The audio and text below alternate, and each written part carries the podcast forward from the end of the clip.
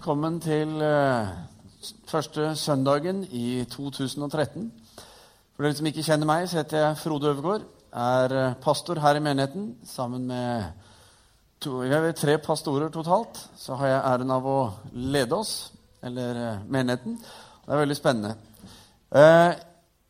Jeg tror på Gud som en mulighetenes gud. Og derfor tror jeg også på 2013 som et mulighetenes år. Eh, men jeg tror også muligheter det er noe som eh, vi eh, får lov til å få del i. Det er ikke noe som kommer gratis til oss bare fordi det finnes muligheter.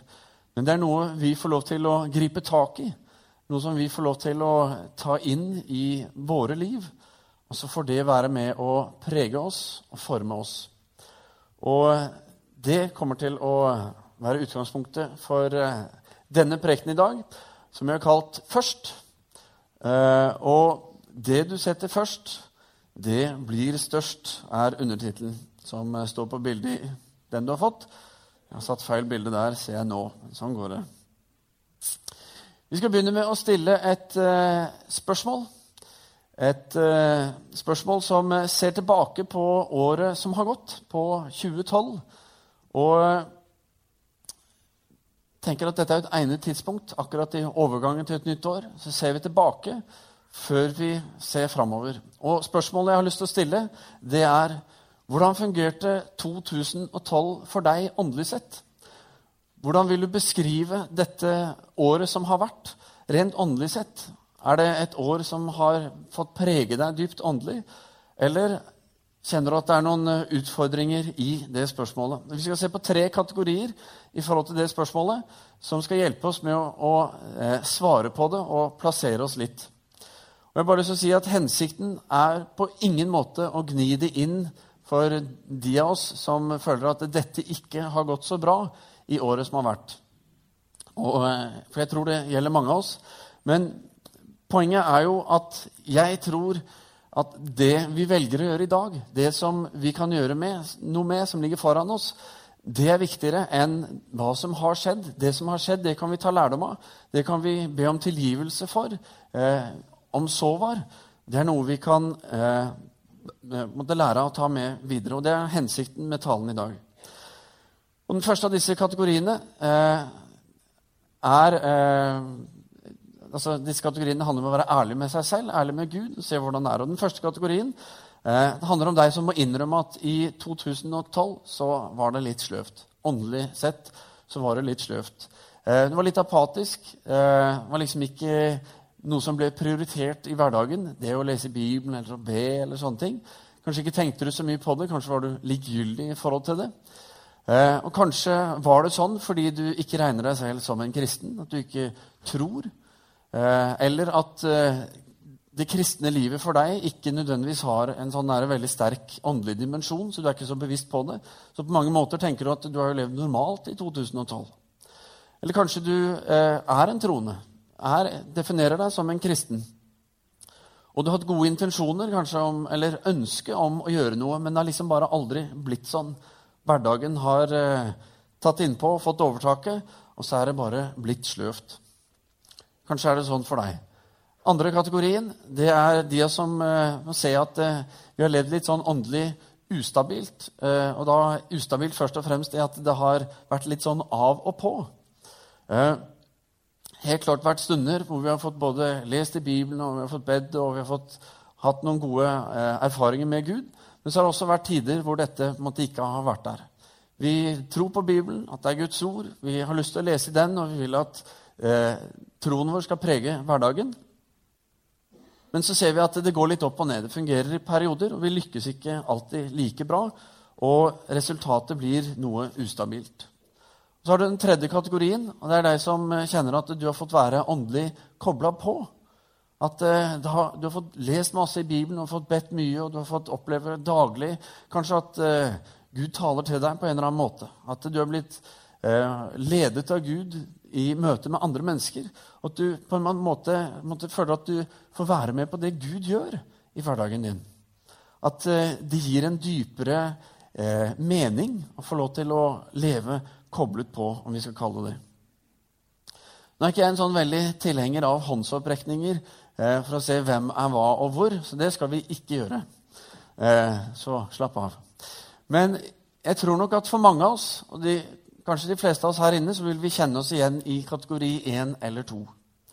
Eh, hvis du derimot mener at de aller fleste her inne hører hjemme i kategori 3, så kan du få lov til å rekke opp hånden. For deg har jeg lyst til å ta en samtale med, for jeg tror det er en spennende samtale. Gode refleksjoner som jeg har lyst til å høre. Eh, men jeg tror at hvis vi er ærlige, så vil de fleste kjenne seg igjen i enten at det har vært litt sløvt, eller at det har vært litt sånn opp og ned. Eh, og jeg tror også det er viktig da, når vi ser at ok, dette er noe som kanskje gjelder for de fleste, at vi sliter med å få dette til. Kanskje bør vi da også bevisstgjøre oss på at det kan hende at det er noen som er interessert i at vi ikke skal lykkes med dette. At dette som vi tenker og føler og tror og hører, liksom skal være en bra ting ved det kristne livet. Det å få lov til å leve i fellesskap med Gud i det daglige. At det er noen som ønsker å hindre oss i det. Og Derfor er det noe som veldig mange sliter med. Eh, for jeg tror de fleste av oss ønsker å leve nærmere Gud og ha et rikere fellesskap med Han. Eh, men det er noe som jeg tror mange sliter med og syns er vanskelig. Og eh, selv om vi har gode intensjoner med det, så havner vi lett i et sidespor. Men det ligger et løfte som Jesus gir oss i bergprekenen i Matteus 6, vers 33, hvor han sier Søk først Guds rike og hans rettferdighet, så skal dere få alt det andre i tillegg. Utfordringen vår i hverdagen, og den kjenner vi alle, tror jeg, det er å sette Gud først. Og gjøre Han til en første prioritet. Eh, og gjøre det som Jesaja snakket om, og som eh, ble løftet fram i forbindelse med Johannes døperen. Dette med å rydde en vei for Herren og gjøre hans stier rette, sånn at det er rett og slett mulighet og åpent for Gud å komme inn i våre liv og gjøre det som han ønsker. Eh, og Vi skal se på fire forskjellige områder som jeg tror er nyttige for oss i forhold til det å prioritere Gud. Områder hvor vi kan se her er det viktig for oss å prioritere å sette Gud først, og at det vil ha en konsekvens for 2013. For jeg tror Hvis du velger å sette Gud først, og gjør det på disse fire områdene, som vi skal se på nå, så vil du få et mye bedre år i 2013 rent åndelig sett. Jeg sier ikke at det blir dans på roser, alt blir så fint og flott og ikke noen problemer. Ikke i det hele tatt. Du kommer til å bli utfordra på det, og det kommer til å bli vanskelig, men jeg tror det å velge det og prioritere det vil gi klare resultater. Og Det første området hvor vi skal sette Gud først, det går på det daglige. Det å søke Gud i det daglige. Eh, gjør det til en prioritet å søke Gud hver dag. Og denne, Dette har du hørt mange ganger før, men vi tar det igjen. Eh, og jeg tror Jo tidligere på dagen du søker Gud, eh, jo større del av dagen vil bli preget av at du søkte Gud. At du leste i Bibelen, at du ba litt, at du tenkte på den dagen som lå foran, og tok Gud med i de tankene. Eh, jeg hadde, lenge så pleide jeg å lese i Bibelen og be på slutten av dagen, på kvelden. Og Jeg må innrømme at det har skjedd en eller to ganger at jeg har sovnet mens jeg har gjort det. Men uansett, jeg gjorde det på kvelden, og eh, det jeg merka, det var jo at fikk, det var liksom ikke noe jeg tok med meg inn i dagen på samme måte, fordi jeg avsluttet dagen med det. Så jeg la om, og så har jeg prøvd nå en periode å begynne dagen med det å lese eh, i den bibelleseplanen som jeg har, og eh, bruke tid i bønn. Og så opplever jeg at eh, Oi, jeg har det med meg inn i hverdagen. Og dagen blir eh, ikke sånn veldig oi, stor og annerledes. det er ikke det. Men det jeg har lest, det dukker opp igjen. Og det jeg har fått lov til å fokusere på, blir jeg mer bevisst på eh, gjennom dagen. Så det har jeg lyst til å utfordre deg på, å gjøre dette så tidlig som mulig. Om du står opp før de alle andre i huset og gjør det, eller du tar det eh, fordi du kommer litt tidligere på jobb ikke sant? og har mulighet til å gjøre det sånn. Men gjør det tidlig på dagen, for du får noe mer ut av dagen på det. Jesus gjorde det. Vi leser det flere steder om hvordan Jesus eh, gikk si, for seg selv for å be. Og I Markus 1, 35 så leser vi tidlig neste morgen, mens det ennå var mørkt, sto Jesus opp, gikk ut og dro til et øde sted og ba der. Og eh, Jesus han prioriterte det. Vi leser det mange ganger. Det å ta tid for seg selv og være sammen med Gud i bønn. Men hadde ikke han den praktiske Bibelen som du eh, og jeg har, ikke sant? som du kan bære med deg eller legge på mobilen din eller nettbrett. eller hvordan du har det. Men han satte tid til Gud, og det hadde en avgjørende faktor for hans daglige liv. Så kanskje du leser i Bibelen som bok. Kanskje du har en andagsbok. Kanskje du, eh, som meg, har eh, lastet ned Bibelen på mobilen din og har leseplaner der som du følger, og som blir minnet på hver dag. Eh, men kom i gang med det, og les det, og la det få lov til å prege deg. Kanskje trenger du å legge Bibelen på toalettet. Det gjorde jeg en periode. For jeg fant ut at der sitter jo Jeg er jo mann, da, ikke sant? Så det får kvinner få ha måte, overbærenhet med meg. Men jeg fant ut at ok, på toalettet der sitter jeg og er i fred hver eneste dag. Da kunne jeg lese et kapittel hver dag. Det fungerte jo egentlig ganske bra. For det var jo tilfelle at det var sånn, Og så sa jeg det til konfirmantkullet mitt i Drammen. første konfirmantkullet, At ja, har f.eks. lest den der. Det var et tips jeg kom med. Jeg sier ikke at du må gjøre det. Eh, men det var noe sånn at første søndag etter at de var konfirmert, så var det en av de som skulle ha innledning. Og han fortalte at ja, Frode har sagt at vi skal lese på do. Så det hadde han gjort. Og der sto det det. Det var et tips, var liksom det jeg prøvde å si da. Det, poenget er å være litt kreativ og se hvor er det jeg kan finne fred og ro. Og fungerer det sånn, så er det bra. Men så har jeg også fått sittet med eh, Bibelen til en som heter Ludvig Johnsen. Far til Gordon Johnsen, for de som har hørt om han. Han var predikant, han var eh, pastor i Misjonsforbundet. Og se og bla i Bibelen hans. Og alt, alle steder hvor det er hvitt rundt Skriften i Bibelen din, der var det helt strek, strek, strek, strek, strek, strek, han hadde lest den faktiske fysiske Bibelen 100 ganger, som jeg satt med. Og eh, han var en mann som virkelig eh, fikk mye ut av Guds ord. Eh, jeg sier ikke at du må hjem og lese den 100 ganger, men det er noe med jo mer du får, jo mer vil du også ha. Jeg tror det er viktig å legge en plan og tilrettelegge for det, for så å prioritere det. Fordi hvis vi ikke lykkes med å eh, legge en god plan for dette, så tror jeg resultatet vil bli en plan som vi ikke lykkes med. At vi, det blir med intensjonen og viljen. Eh, på nettet, på vår nettside, så ligger det en god hjelp og instruks til hvordan du kan komme i gang med bibellesning og forskjellige måter å gjøre det på. Så les gjerne den. Men når du da har lest, enten du leser 5, 10, 15, 20, 30 minutter, eller hvor lenge du blir, så eh, ta litt tid i bønn. Be det du har lest, tilbake til Gud. Si 'Gud, dette har jeg lyst til å erfare'. Dette, Gud, eh, beskytt meg, så ikke jeg blir grepet av dette som han ble gjort. ikke sant? Og så videre. Og så kan vi også legge dagen og det som skjer, i Guds hender. Så blir vi mer kobla på på den måten. Og Dette handler ikke om noe lovisk greie. Sånn må du gjøre det. For jeg tror det er mye viktigere at du gjør det, enn når du gjør det, og hvordan du gjør det. Men det å komme i gang og prioritere det og få sette Gud først inn i hverdagen, er veldig viktig. Og jeg tror det å gjøre det daglig eh, og søke Han er avgjørende for oss. Det andre området det er ukentlig.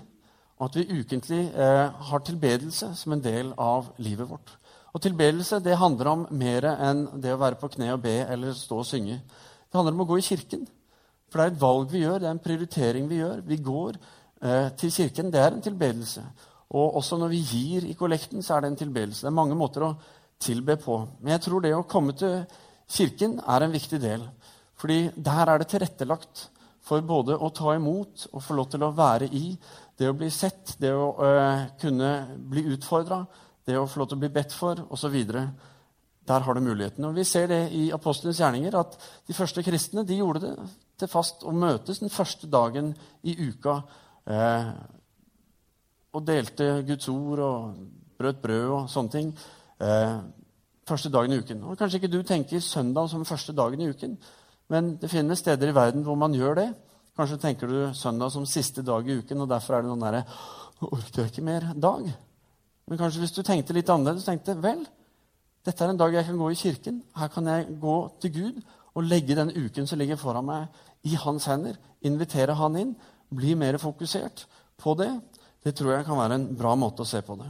Og jeg tror Gode vaner det former oss, det gjør noe med oss. Og Derfor så har vi eh, prøvd å tilrettelegge og hjelpe dere som går her i menigheten, til å få mer ut av det. Så vi har løftet fram det vi kaller Misjonskirkens 1, 2, 3. Kanskje har du vært her så mye at du begynner å bli lei av å høre om det. Eh, poenget er ikke å, å syte dere full med å fortelle om dette, men det er å få dere til å begynne å tenke sånn og gjøre det. For vi tror dette er med på å tilrettelegge for eh, troslivet som vi har. Og Derfor sier vi én kom på gudstjeneste, to bli med i en gruppe, og tre tjen andre. Vi tror at den pakken der, gjør du det, så får du mest mulig ut av det Kirken har å by deg.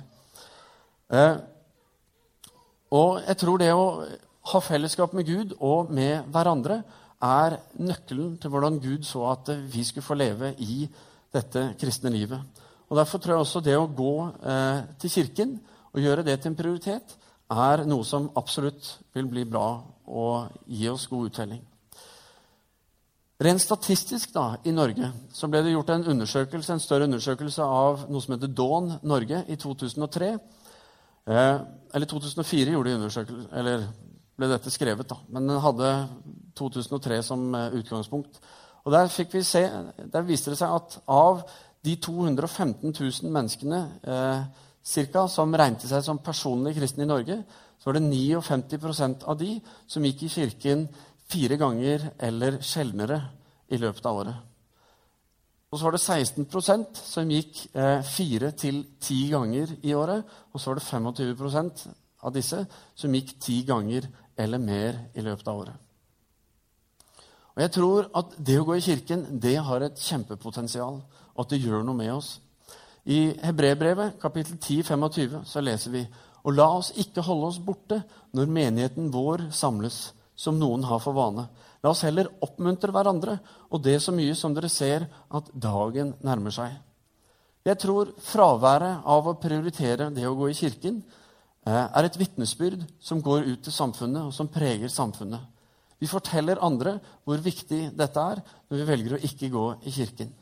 Samtidig så tror jeg at når vi faktisk da velger det og går i kirken, så forteller vi ikke bare at dette er noe som er bra for oss, men vi oppmuntrer hverandre. For det er mye kjekkere å være her når det er masse folk, enn når det er tynt og glissent. Og så styrker vi hverandre også på den måten. Så tror jeg det gjør noe med oss. Og Vekkelsens lov, som kanskje noen av dere har lest, en bok av Armin Gershwein, der sier han at eh, de, dersom de kristne, eller de som ikke tror, ikke går i kirken, så vil heller ikke de som ikke tror, gå der. Så om de kristne ikke går, så vil heller ikke de ikke-kristne gå. Så det er en følge som går der. Så gå i kirken. Gjør det til din ukentlige prioritet. Og Det tredje området å sette Gud først på, det er månedlig. Og det er gjennom eh, tienden. Tienden den er et bibelsk prinsipp som, eh, hvor Gud sier det at av den inntekten du får, så skal du ta 10% og gi tilbake til Gud. Det tilhører Gud, står det. I 3. Mosebok, kapittel 27, vers 30, så leser vi all tiende i landet, både av grøden på marken og av frukten på trærne, den hører Herren til. Den er viet til Herren. Å sette Gud først på dette området det handler om hvordan er det vi tenker om Gud. Hvilket syn har vi på hvem Gud er i vårt liv og vår hverdag? Tror vi at alt vi har, det er noe vi har fått av Gud? Altså at Gud er vår forsørger? Eller tenker vi at vel, jeg jobber, jeg tjener mine penger, jeg ordner dette her, og så er liksom Gud en som kommer ved siden av deg på en eller annen måte? Jeg tror ikke så veldig mange av oss er veldig sånn dypt reflektert over dette. Men det jeg vet, det er at straks vi står uten jobb, eller sliter med å selv forsørge oss, så kommer vi til Gud, og så ber vi Han om å hjelpe oss med å få en ny jobb. ber vi Han om å hjelpe oss med å forsørge oss. Og eh, når det ikke da måte, skjer umiddelbart, så blir Gud teit. ikke sant? Da blir han en som ikke hører, en som ikke bryr seg. og alt sånn. Men hvis Gud er vår forsørger, så er det sånn at alt vi har, det har vi fordi vi har fått det av Han. Og da er 10 av det vi får, noe vi skal gi tilbake til Han. Det er viet Herren, står det. Altså Det er en hellig gave som vi gir. Ikke fordi vi hadde så veldig lyst, eller fordi noen sa noe eller sendte et brev. Altså Vi gir ikke fordi eh, menigheten sender ut eh, en påminnelse om en julegave, eller noe sånt, eller fordi og nå maser jeg om den kollekten igjen, eller fordi jeg syns at det som skjer nå, er veldig bra i kirken. eller noe sånt. Men det står i Bibelen at det tilhører Herren. At det er noe vi skal gi tilbake av det vi allerede har fått. Og det er egentlig en ganske god deal hvis alt vi har, er noe vi får av Gud. Altså Da får vi 90% og så får han 10 Og det er ikke gærent. Men vi gir fordi det tilhører Gud, og vi gir det til Kirken fordi Kirken Menigheten er det redskapet som Gud har utvalgt seg. Det er Jesu legeme, det er Jesu kropp. Og det er der Gud ønsker å synliggjøre seg selv. Det er der han ønsker å nå ut til mennesker i verden i dag. Og Derfor eh, blir dette noe som virkelig passer godt sammen når vi er med og gir inn i det, for sånn å gjøre Kirken enda mer utrustet. Både ved at vi eh, søker Gud selv, vi går i Kirken, og vi gir til Kirken. Så får vi være med i denne store helheten. Og så får vi sette Gud først og gjøre, eh, fremme Hans rike og Hans rettferdighet. Og så Det siste området, det fjerde området, det er årlig å faste. Det er ikke ofte vi taler om å faste fra talerstolen her, men det er et annet bibelsk prinsipp som også handler om dette med å sette Gud først og vie vår tid og oppmerksomhet til Gud. Eh, og Det gjøres ved at eh, man rett og slett i en periode ikke spiser men bare tar til seg av, å drikke. Eh, og man gjør det i kortere eller lengre perioder. Og, og, det viktige er jo ikke hvor mange dager du begynner med, men at du gjør det. Fordi det er en gevinst i det. Gud ser, og han lønner, som vi skal lese snart.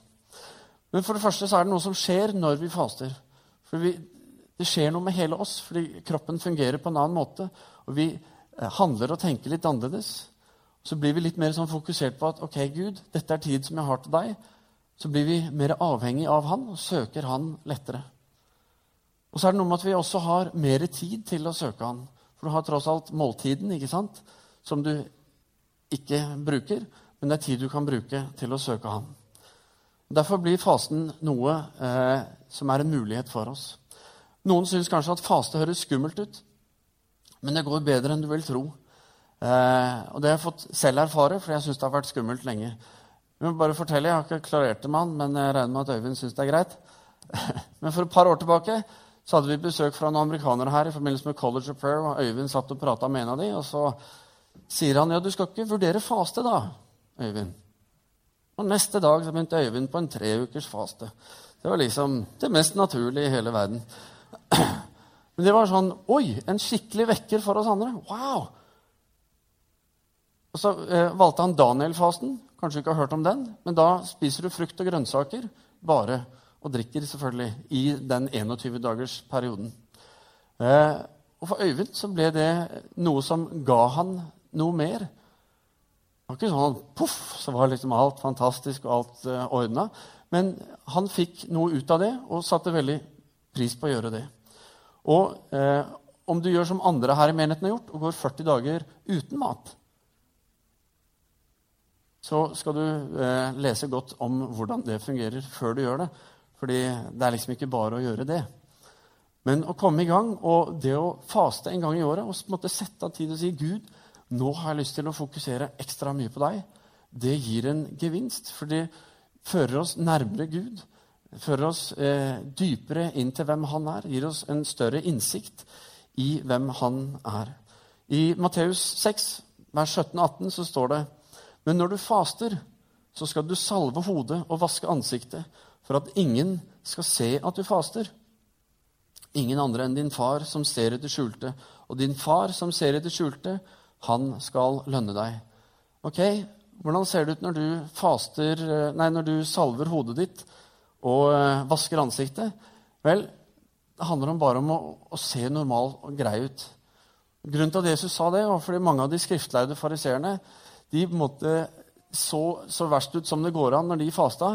Og se på meg, jeg faster, og alt er så trist og leit. ikke sant? Og på en måte søkte oppmerksomhet inn mot seg selv hele tiden fordi de var så hellige og flinke. Men måte, ikke, ikke at du ikke kan fortelle noen at du gjør det. Av og til så må du det fordi du får servert mat og må si pent nei takk. Men det er noe med det der å, å gjøre det og gi det til Gud først og fremst. For det gir oss åndelig fokus, åndelig innsikt og åndelig dybde. Og eh, For min egen del så syns jeg som sagt det var skummelt. Men det gikk overraskende bra når jeg gjorde det. Så bra at jeg nesten holdt på å si, glemte at jeg skulle ta den tiden som måltidene egentlig var, til å bruke med å lese og be og fokusere mer på Gud. Så har du tenkt at nei, det er umulig. For alle de tingene jeg har snakket om nå, hvor du har tenkt at dette går ikke, det lar seg gjøre. Også å be og lese om morgenen. Så tilbake til starten, der vi begynte. Hvordan fungerte 2012 åndelig sett for deg? Og enda viktigere hvordan skal 2013 få lov til å bli? Vil du halte videre hvis det er det du tenker at du har gjort? Eller vil du sette Gud først og søke Han for en ny hverdag, for en større del av hvem Han er, og få lov til å leve sammen med Han? Og her trenger vi være ærlige med oss selv og ærlige med Gud. For Det er lett å lure seg selv. Det er lett å si at 'jeg er ikke så flink med det, og jeg kan ikke det', og det går nok ikke sånn. Men det å sette Gud først og virkelig prioritere han, det tror jeg er kjempe, kjempeviktig. For Spørsmålet er tror du at det er Guds vilje at vi skal gå rundt og eh, tenke fordømmende om oss selv. Tenke at 'nei, så dum og dårlig jeg er som ikke klarer dette', eller eh, 'jeg burde vært mer sånn som', osv.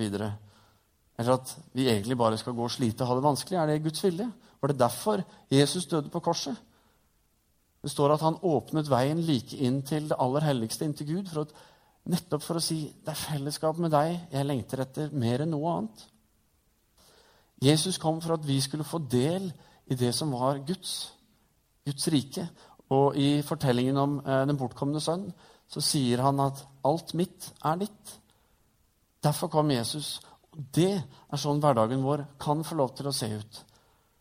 Men for at det skal skje, der er mulighetene, skal det skje, så trenger vi å eh, legge noen planer som vi prioriterer, og som vi følger opp.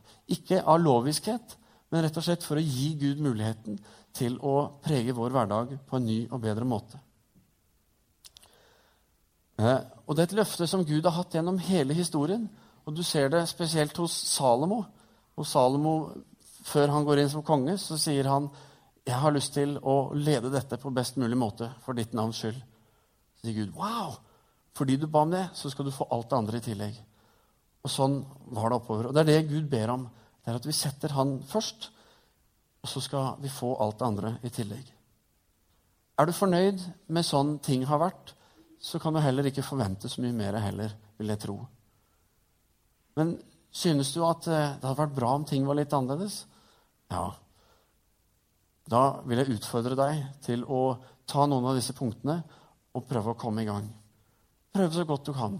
Klarer du ikke en dag, kommer garantert til å skje. Prøv igjen neste dag. Ingen som kommer til å slå deg i hodet. Verken Gud eller jeg eller noen andre jeg vet om.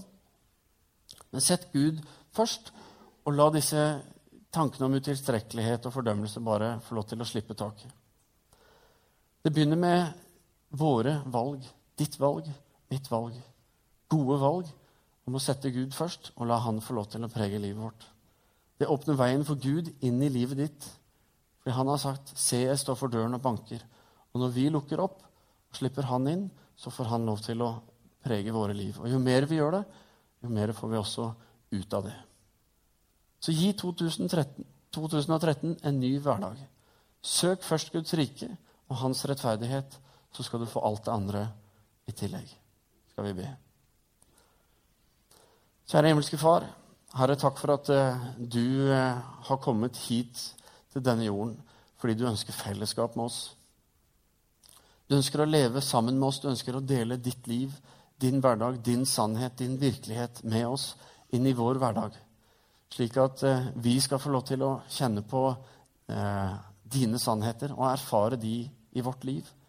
Herre, vi leser om deg når du gikk omkring her på jorden. Eh, og hvordan du brakte Guds rike inn i menneskers hverdag. Hvordan du helbredet, hvordan du eh, renset, hvordan du eh, tok vekk eh, fordømmelse og sår og ting som har hindret og vært tungt og vanskelig for folk å bære. Herre, du kom og satte fri. Og vi ber, Herre, om at eh, vi skal få lov til å se mer av det i dette året som ligger foran. Både for vår egen del privat, men også i menighetens eh, liv, Herre. Jeg ber, Herre, at eh, du skal hjelpe oss til å ta disse gode valgene. Fordi du har lagt mulighetene der for oss. Du har gjort alt du kan for at vi skal få lov til å komme til deg og få del i eh, hvem du er, og få del i alt ditt som du har gitt til oss. Så Herre, hjelp oss til å ta det gode valget. Hjelp oss i våre prioriteringer, og beskytt, Herre, de valgene vi tar.